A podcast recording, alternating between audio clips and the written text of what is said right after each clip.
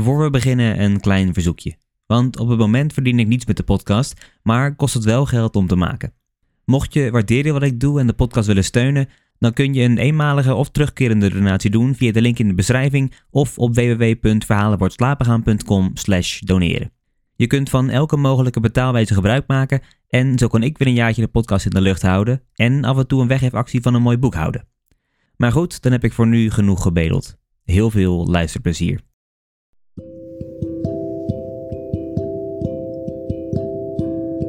Hallo allemaal en welkom. Mijn naam is Mike en in deze aflevering lees ik twee verhalen voor uit de wonderbaarlijke avonturen van Wim Jacobs. Dit is Verhalen voor het slapen gaan.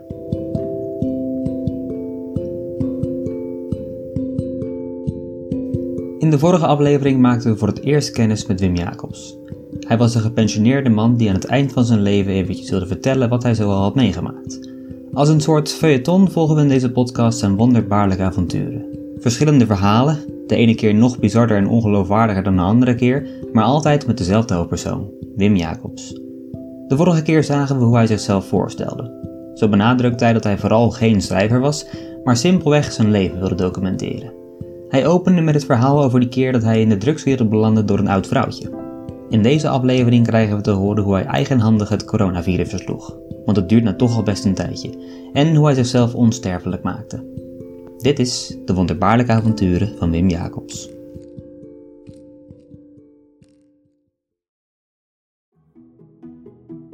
Die keer dat ik eigenhandig het coronavirus versloeg.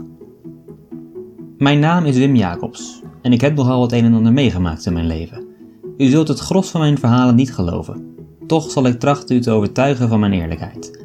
Alles wat ik vertel heb ik echt meegemaakt. Ik denk dat u het verhaal dat ik u nu ga vertellen wel geloven zult, omdat hetgeen waarover het gaat zich tot niet zo lang geleden heeft afgespeeld. Langzaam maar zeker nam het coronavirus de wereld over. Land na land sloot de grenzen. Steeds meer minister-presidenten, koningen en koninginnen spraken hun land toe, riepen hun volk op om thuis te blijven en alleen nog de straten te trotseren om boodschappen te doen. Oftewel, kijken of het toiletpapier alweer bijgevuld was. Ook ik zat thuis. Degenen die mij kennen weten dat ik niet te pruimen ben als ik te lang thuis zit, dat ik doorgaans niet langer dan twee uur achter elkaar stil kan zitten. Het duurde dan nog niet lang voor ik, tegen de adviezen en inmiddels opgestelde wetten in, opsprong uit mijn stoel, mijn schoenen aantrok en vertrok. Het huis trilde nog na toen ik de deur achter me had dichtgetrokken, alsof het rilde van de gedachte dat ik iets deed wat eigenlijk niet mocht. Maar goed, ik zelf heb daar mijn hele leven al weinig moeite mee gehad.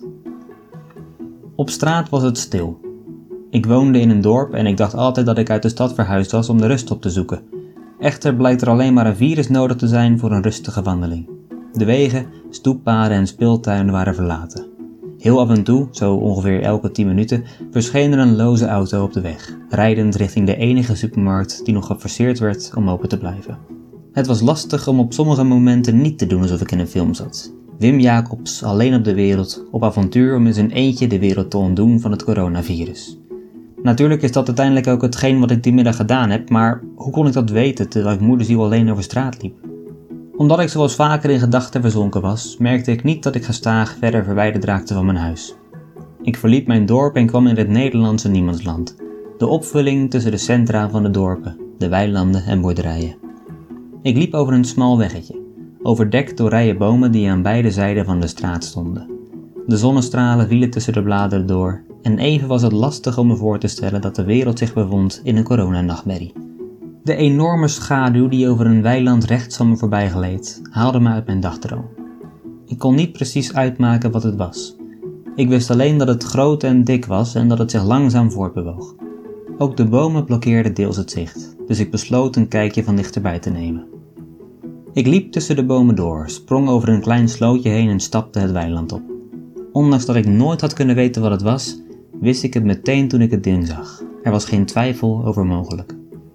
Hoewel hetgeen dat ik zag me waarschijnlijk bang had moeten maken, barstte ik in lachen uit. Want wat bleek, doordat iedereen thuis moest blijven, hadden alle restjes corona op straat de tijd gehad om naar elkaar toe te kruipen en samen te klonteren. Met als resultaat dit enorme en enorm lompe coronamonster. Een watsige groene brei, dat iets weg van een snottebel met obesitas. Het monster had mijn schaterlachje gehoord, want ineens had het zich mijn kant op gedraaid. Hoewel het niet echt een gezicht had, zaten er op de plekken waar normaal gesproken de ogen en mond hadden moeten zitten drie diepe holtes. Volgens mij staarde het naar me. Waarom lacht u nou? vroeg het. Ik keek op. Ik. Sorry. Wacht. Spreek je Nederlands? Uiteraard. Een virus neemt de taal over van de lichamen waarin het leeft. Ik dacht dat de mens dat onderhand wel zou weten. Dus, we, we kunnen gewoon met je praten.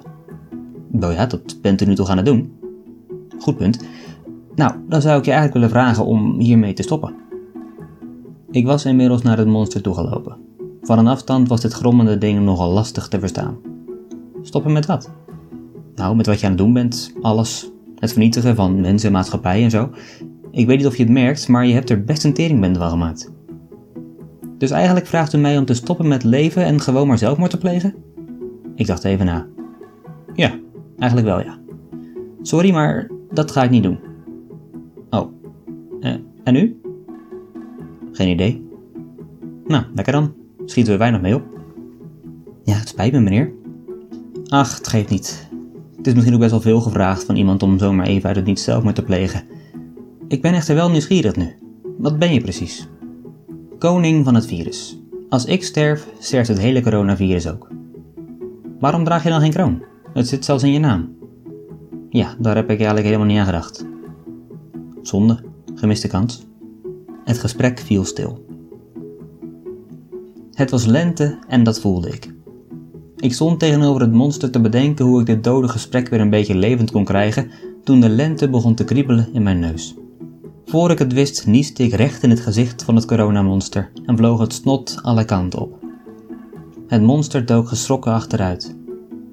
Wat doet u nu? vroeg het. Sorry, moest niezen. Zeggen jullie nooit gezondheid of zo? Onbesch... Is er iets? Het monster leek langzaam ineen te zakken. Ik... ik... stamelde het. Ik kan niet tegen snot. En dat was dat. Het coronamonster viel op de grond, brokkelde uit elkaar en werd opgeslokt door de aarde. Waar nog geen tien seconden geleden een enorme snottebel stond, stond nu niets meer. Het was over. Zo, dat is ook weer opgelost, zei ik, en begon strompelend aan mijn weg terug naar huis, om uit te rusten van een lange dag.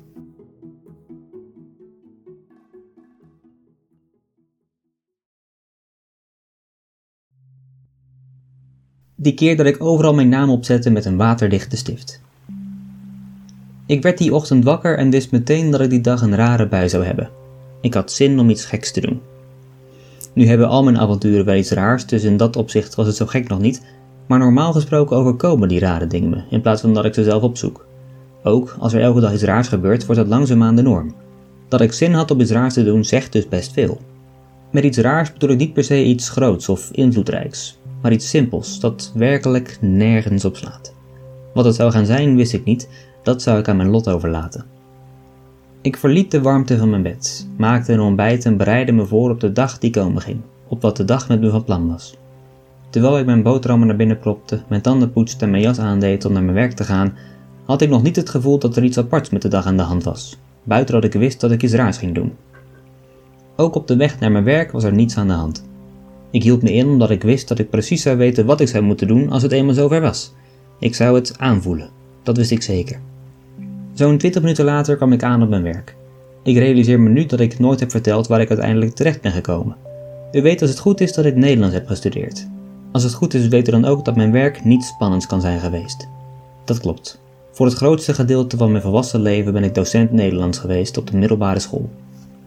Wat ik nu zeg is natuurlijk verschrikkelijk. Daar ben ik me bewust van. Vier jaar lang vroeg iedereen me of ik docent wilde worden wanneer ik ze vertelde wat ik studeerde.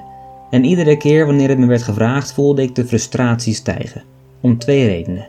Ten eerste omdat er veel en veel meer mogelijk is met de studie. Zo kun je terecht bij de overheid, uitgeverijen, redactiebureaus en eigenlijk overal waar taal en teksten aanwezig zijn. Ten tweede omdat ik helemaal geen docent wilde worden. Waarom niet? Omdat het vak Nederland verschrikkelijk in elkaar zit. Jongeren dwingen te lezen en vooral focus op begrijpend lezen? Ach, rot toch op. Ik wilde niet mijn hele leven een vak geven waar ik niet achter stond. Daarnaast wilde ik de boekenwereld in. Des te groter was mijn frustratie toen ik uiteindelijk docent werd, omdat al het andere mislukt was.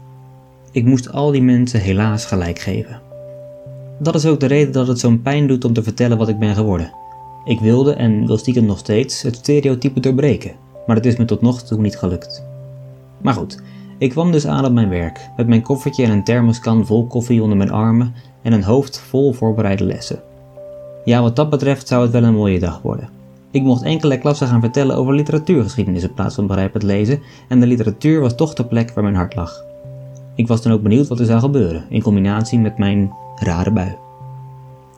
Het was gelukkig de eerste les, ik hoefde niet lang te wachten. Ik stalde mijn spullen uit, zette de PowerPoint klaar en keek toe hoe de Norse gezichten, die kenmerkend zijn voor tieners die het eerste uur Nederlands hebben, binnenstroomden.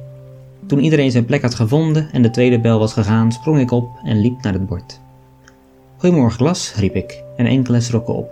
Ze hadden waarschijnlijk niet verwacht dat ik zo levendig zou zijn op dit uur. Ik hoop dat jullie een beetje uitgerust zijn, want vandaag gaan we het hebben over een literaire stroming die ongetwijfeld een grote rol zal spelen in jullie levens. Alle leerlingen keken me aan.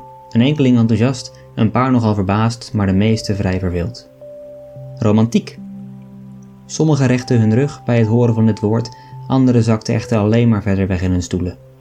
Ik zou me niet van de wijs laten brengen. Ik draaide me om, pakte een stift en schreef in grote letters het woord romantiek op het bord. Laten we een woordwerp maken. Waar denken jullie aan bij het woord. Wat? vroeg ik, toen ik me had teruggedraaid naar de klas. Zo goed als elke leerling keek me met grote ogen aan. Meneer? Ja, Bart. De jongen leek even te twijfelen. Dat is een permanente stift. Enkele begonnen te giechelen. Ach, met een beetje alcohol is het zo weg. Nee, meneer, u begrijpt het niet. Permanente stiften zijn veel beter geworden de laatste tijd. Deze stift is alles dicht. Waterdicht, alcoholdicht, alles. Permanent. Ik wist niet goed wat ik moest zeggen. Daar stond in onverwijderbare koeienletters romantiek op het bord. In tegenstelling tot de verwachting van de klas begon ik te lachen. Ze keken me aan alsof ik gek was geworden en misschien was ik dat ook wel. Ineens wist ik hoe ik mijn rare bij moest invullen. Ik draaide me terug naar het bord en schreef in kleine letters in een hoekje mijn naam: Wim Jacobs. Dat was dus hoe ik de rest van mijn dag besteedde. Ik had geen idee waarom ik het deed, het voelde simpelweg alsof het moest. Het was een innerlijke drang die ik niet tegen kon houden. Pas een maand later zou ik erachter komen wat voor nut het had gehad. Het was alsof mijn hand uit zichzelf had besloten om de stift op te pakken en overal mee naartoe te nemen, om op zoveel mogelijk objecten in minuscule letters Wim Jacobs te schrijven. Mijn naam verscheen op tafels en stoelen in de school, op mokken in de lerarenkamer, op pennen op de muur, op een raam, op een doosje kauwgom, op een verkeersbord op de weg, op tientallen lantaarnpalen, op het stuur van een fiets die tegen een boom geparkeerd stond, op de hekken van de tuinen van mijn buren en uiteindelijk als afsluiter op de voordeur van mijn eigen huis. Na zo'n 200 keer mijn naam achter te hebben gelaten, was de stift eindelijk leeg en ik tevreden. Dus, ja, dat is een dag in mijn leven als ik in een rare bui ben. Het verhaal heeft niet echt een moraal. Dat komt nog, soort van. Toch hoop ik dat u er net zoveel van heeft genoten als ik toen ter tijd. Die avond zakte ik weg op de bank met een pizza op schoot en een biertje in mijn hand, voldaan. Jawel, dacht ik, mijn naam. Daar staat hij. Overal. Het is een feit.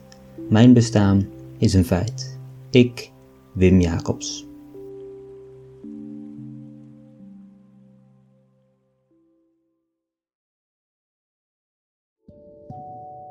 Ik denk dat ik over het verhaal over het coronavirus weinig te vertellen heb. Over het verhaal met de waterdichte stift ook niet veel, maar wel een klein beetje meer. Het idee kwam volgens mij voornamelijk door het liedje van, ja, lach me maar uit, Paul de Leeuw, genaamd De Steen, waarin iemand een steen verlegt in een rivier op aarde, zodat niemand hem ooit nog zal vergeten. Zijn taak zit erop. Hij heeft deelgenomen aan de natuur en heeft iets teweeggebracht.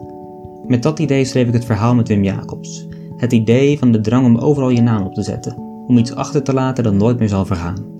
Het is gezien. Het is niet onopgemerkt gebleven. Ik wil jullie hartstikke bedanken voor het luisteren naar deze podcast. Voor updates, achter de schermen, vragen of opmerkingen kun je me volgen op Instagram of Facebook onder de naam Verhalen voor het slapen gaan. Wil je deze podcast nou steunen met een kleine donatie, dan staat de link daarvoor in de beschrijving en dan zie, slash hoor ik jullie volgende week. Voor nu, goede nacht, slaap zacht.